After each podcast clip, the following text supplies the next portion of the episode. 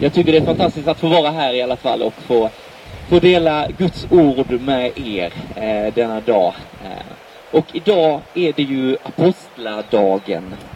Och fokus denna dagen ligger ofta på lärjungarna och oftast närmre på eh, Paulus eller Petrus. De är lite förgrundsgestalter. Jag skulle vilja få utgå från ett av Paulus brev idag, eh, nämligen Filipperbrevet. Och ett av de absolut viktigaste orden i kristen tro. Och det som drev lärjungarna att vara beredda att gå i döden, nämligen rättfärdighet. En rättfärdighet från Gud. Ett så kallat storord, ett sånt där ord som hänger kvar. Jag vill få läsa en strof ur Filippobrevet för er. Men allt sådant som var en vinst för mig har jag för Kristi skull kommit att räkna som en ren förlust. Ja, jag räknar faktiskt allt som en förlust jämfört med det som är långt mera värt. Kunskapen om min Herre Kristus Jesus. För hans skull har allt det andra förlorat sitt värde för mig. Jag kastar det på sophögen för att vinna Kristus och få leva i honom. Inte med den rättfärdighet som lagen ger, utan med den som kommer av tro på Kristus. Den rättfärdighet som Gud ger åt dem som tror. Jag vill lära känna Kristus och kraften från hans uppståndelse, dela hans lidanden genom att bli lik honom i en död som hans. Kanske jag då kan nå fram till uppståndelsen från de döda.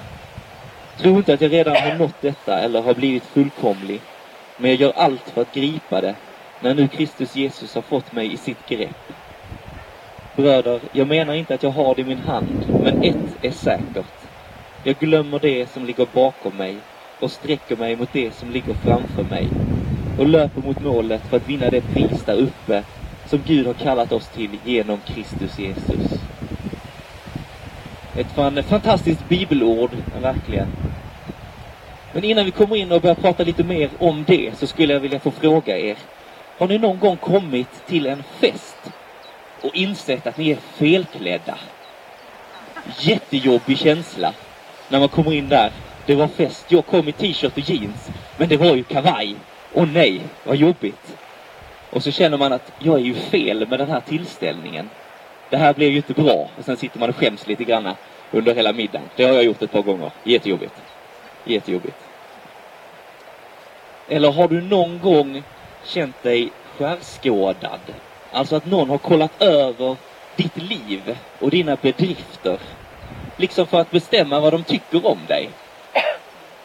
Jag tänker att alla som har sökt jobb har väl känt på något liknande det där.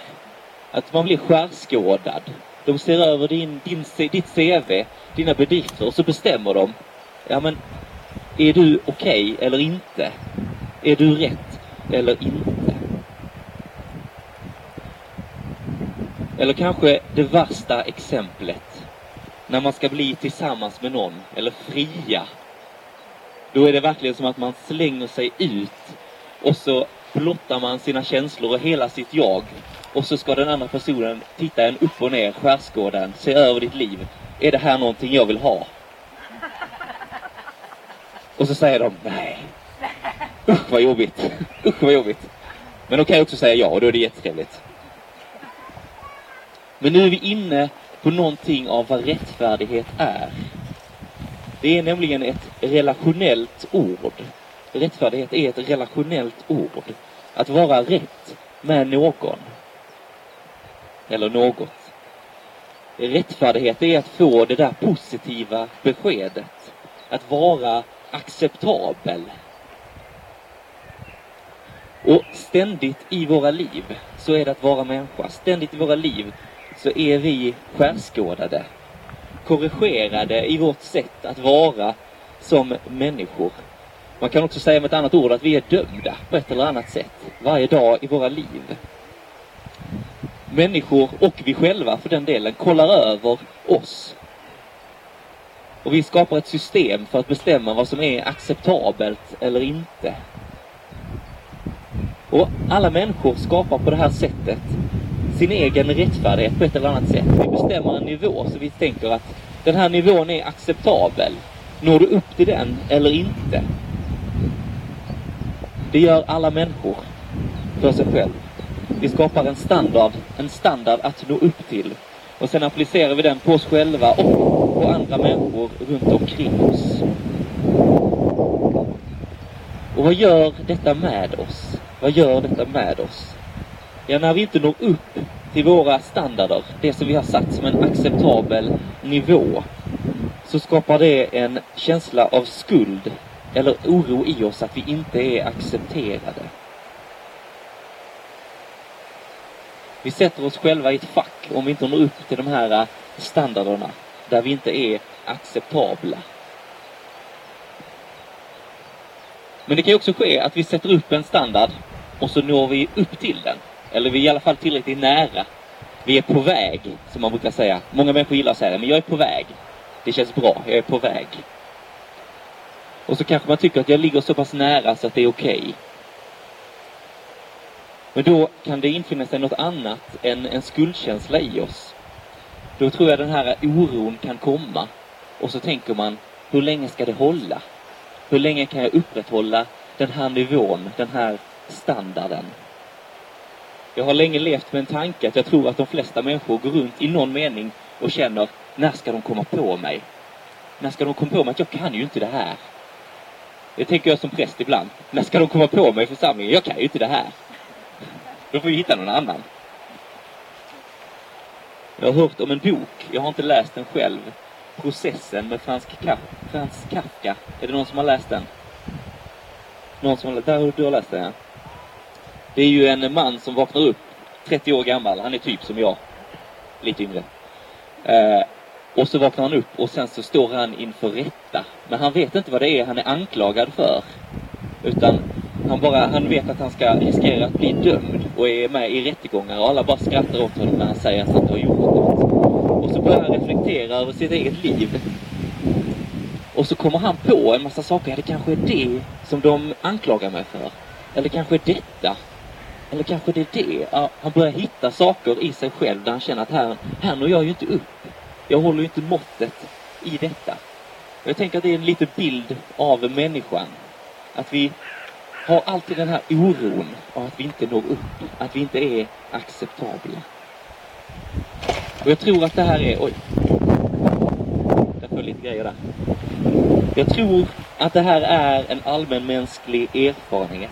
Att vi bygger upp vårt eget och sen så den här oron kring hur länge ska det hålla? Hur länge ska det hålla? Och det gäller mellan oss människor. Det gäller också oss i vår relation gentemot Gud. Jag tänker på Luther som ju brottades med frågan, kan jag finna en nådig Gud? Kan jag göra det? Och det finns inte mycket i vårt samhälle som tyder på det, eller i Luthers samhälle för den delen. För ju mer vi bygger upp vår egen, vårt eget, vår egen rättfärdighet, ju mer vi fokuserar på hur, hur duktiga vi är på att hålla lagen, på att vara acceptabla, desto mindre nåd blir det ibland oss. Desto mindre nåd blir det ibland oss. På grund av den osäkerheten som många människor bär så blir det lätt att vi pekar finger på varandra istället och vill ha syndabockar när något händer. När vi eller andra inte når upp till den här standarden som vi har satt. Och jag tänker mig att i vårt samhälle idag, i Sverige idag, så finns det inte så mycket nåd. Det är mycket mera lag i vårt samhälle. Om någon gör bort sig, då ska de betala priset. Det spelar egentligen ingen roll om de ångrar sig, utan nu ska det betalas. Det måste fram en syndabock, någon som får ta priset. Och så lutar man sig lätt lite tillbaka. Man kan sitta på tvn och se någon som har gjort bort sig. Och så tänker man, om ni är som jag, ni kanske är mycket frommare. Men så tänker jag, så dålig är jag i alla fall inte. Jag har inte gjort de där grejerna. Det är så lätt att man gör det. Så många människor, så många kristna tyvärr faller i den här fällan. Att bygga upp sitt eget på det sättet. Och hålla fram det. Att bygga upp sin egen rättfärdighet och hålla fram det. Men det enda det skapar i längden, det är osäkerhet, det är hårdhet, distansering mellan människor. Det skapar lagiskhet. Det är det det gör i längden. Och vad är det vi behöver mitt i detta, mitt i denna situation? Ja, vi behöver evangeliet om Jesus Kristus. Vi behöver en rättfärdighet från Gud. Och det Paulus pratar om detta i Romarbrevet 10, så säger han Bröder, mitt hjärtans önskan och min bön till Gud är att de ska bli räddade. De vet inte vad rättfärdighet från Gud vill säga, utan söker hävda sin egen. Och därför har de inte underordnat sig rättfärdigheten från Gud. För sanningen är ju den att vår egen gjorda rättfärdighet, den för oss aldrig ända fram i mål. Och i Filipperbrevet så är det precis det Paulus pratar om.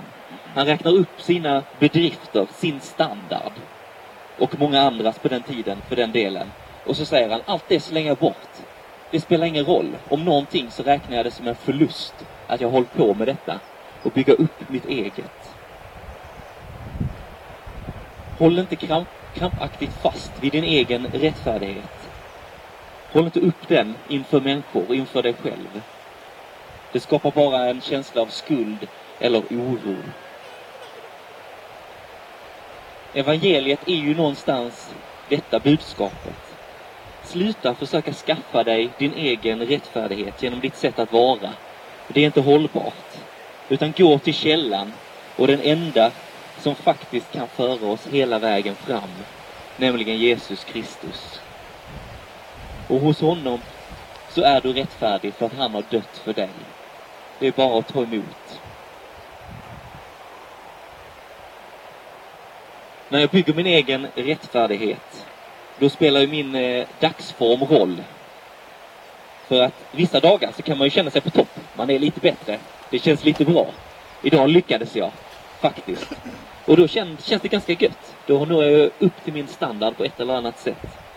Men vi vet ju alla att vi har mindre bra dagar också. Och då känns det inte lika bra. Då känner man inte lika säker på min sak. Jag känner mig inte lika rättfärdig. Jag når inte upp till min standard. Och så går det upp och ner, upp och ner, upp och ner. Och så är det i livet.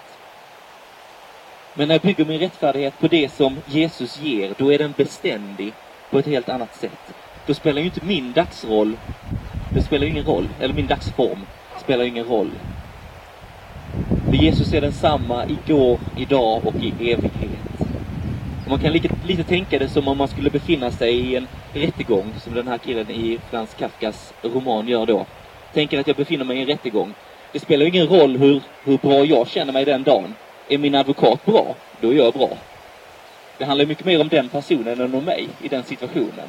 Eller hur? Är Jesus bra, då är jag bra. Och han är densamme igår och idag och i evighet. Och det är gött. I Jesus Kristus så är jag accepterad helt och fullt. Och det är en sån nyckel att förstå det som kristen. Att låta det sätta sig i sitt eget hjärta. Att jag måste lägga ner min egen rättfärdighet och ta emot det som Gud ger. Och när man gör det, när det får landa i ens hjärta, ja då händer det grejer i oss. När det började landa i mig, då förändrades hela min person. När jag började förstå vad det här innebär. Och när vi vågar släppa vårt eget på det sättet och ta emot det som Gud ger, då skapas något annat i oss, nämligen en ödmjukhet. Jag har inte längre ett behov att verka bättre än någon annan i en egentlig mening. Och varför har jag inte det behovet? Ja, för att jag är ju medveten om att det här är inte mitt eget verk. Jag har ju inte skapat detta själv. Utan jag har ju fått det som en gåva. Det är någon annan som står för detta. Då måste inte jag hävda mig gentemot andra människor. Det blir inte lika viktigt. Det har ju skänkts mig. Om någonting så är jag stolt över den som har gett mig det. Och glad för den. Och det är det jag vill tala om. Jag behöver inte då heller in och pilla och peta i andras rättfärdighet. För det jag vill göra, det är att berätta om den sanningen jag har funnit i Kristus Jesus. Jag vill att andra ska få ta emot det. Att det finns en möjlighet att få komma till Gud, att slippa bygga mitt eget och hålla upp krampaktigt inför andra människor. Det finns en möjlighet att få komma till Jesus och ta emot det han vill ge. Rättfärdighet i överflöd, en väg hem till Gud och frihet från jämförelsens tyra, tyranni på något sätt. Och jag tror verkligen att det är en nyckel för oss människor att få ta emot det och få låta det landa i våra hjärtan. Det är därför vi pratar så himla mycket om det i kyrkan. Och det är så himla viktigt. Och det gör någonting med Guds folk när vi vågar landa i det. Och inte behöver in och peta i varandra på det sättet utan peka på honom som är ljuset, han som är vägen. Det är så mycket mer vägvinnande, verkligen. Gott. Kan jag få leda oss i en liten bön här efter? Ja, Herre Jesus Kristus, tack för det stora du har gjort för oss. Du har dött på ett kors för vår skull. Och tack för att vi inte behöver eller ska bygga vår egen rättfärdighet på det sättet. Utan tack för att vi får ta emot dig och den rättfärdighet som du ger. Hjälp oss att få landa ännu mer i det. Att eh, du är den som, som har räddat oss och vad det innebär. Och hjälp oss att möta människor med ödmjukhet och, och respekt. Vi ber om mycket nåd i vårt samhälle och vi ber om mycket nåd i din kyrka. Och vi ber att vi skulle få fokusera på att peka på dig, du som är ljuset och alla goda gåvors givare. Kom Herre med din heliga Ande till oss. Utrusta oss som ditt folk, Herre. Vi ber i ditt heliga namn, Jesus Kristus. Amen.